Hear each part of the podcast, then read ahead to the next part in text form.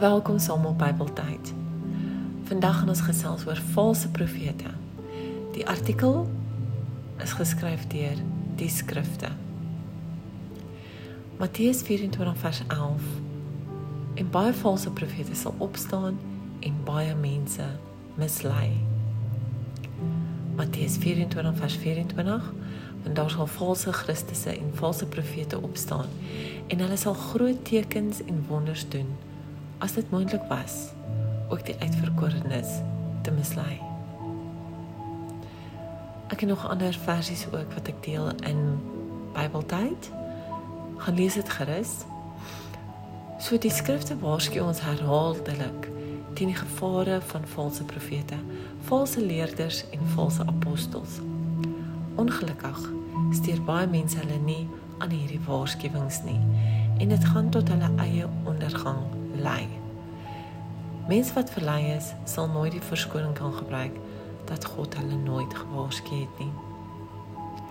Verder word ons gewaarsku om nie alles te glo wat ons hoor nie. Maar ons moet eers die geeste toets. Dit is ons as gelowiges se plig om vas te stel wie die geeste is onder wie se leiding die sogenaamde profete optree. So hoe stel 'n mens dan vas wie ware of valse profete is? Die antwoord moet ons na die Bybel toe gaan. Waar die Here deur 'n profeet spreek, sal wat daardie profeet profeteer 100% van die tyd in vervulling gaan en nie net soms nie, soos wat dit met die hedendaagse profete die geval is nie.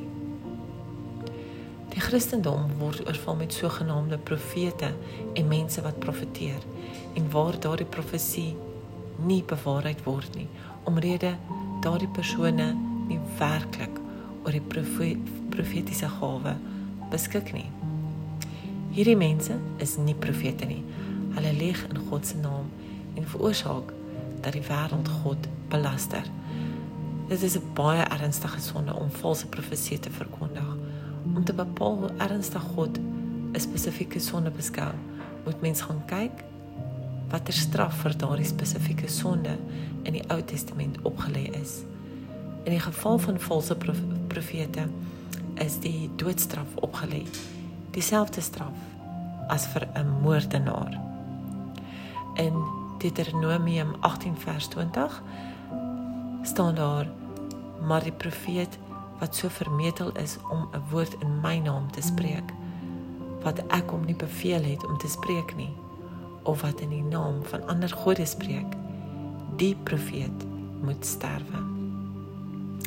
So dit demonstreer maar net weer hoe ver ons werklik van God en sy woord afvallig geword het. Omrede 'n reeks moordenaar ons miskien nog sal skok, maar ons sal geensins geskok wees indien iemand valse profesie in God se naam maak nie. Het ons opinie van God so laag gedaal dat ons hom nie eers meer vrees nie? Miskien is dit weer tyd om God te eerbiedig en te respekteer. Soos dit soos wat dit behoort te wees voordat dit te laat is.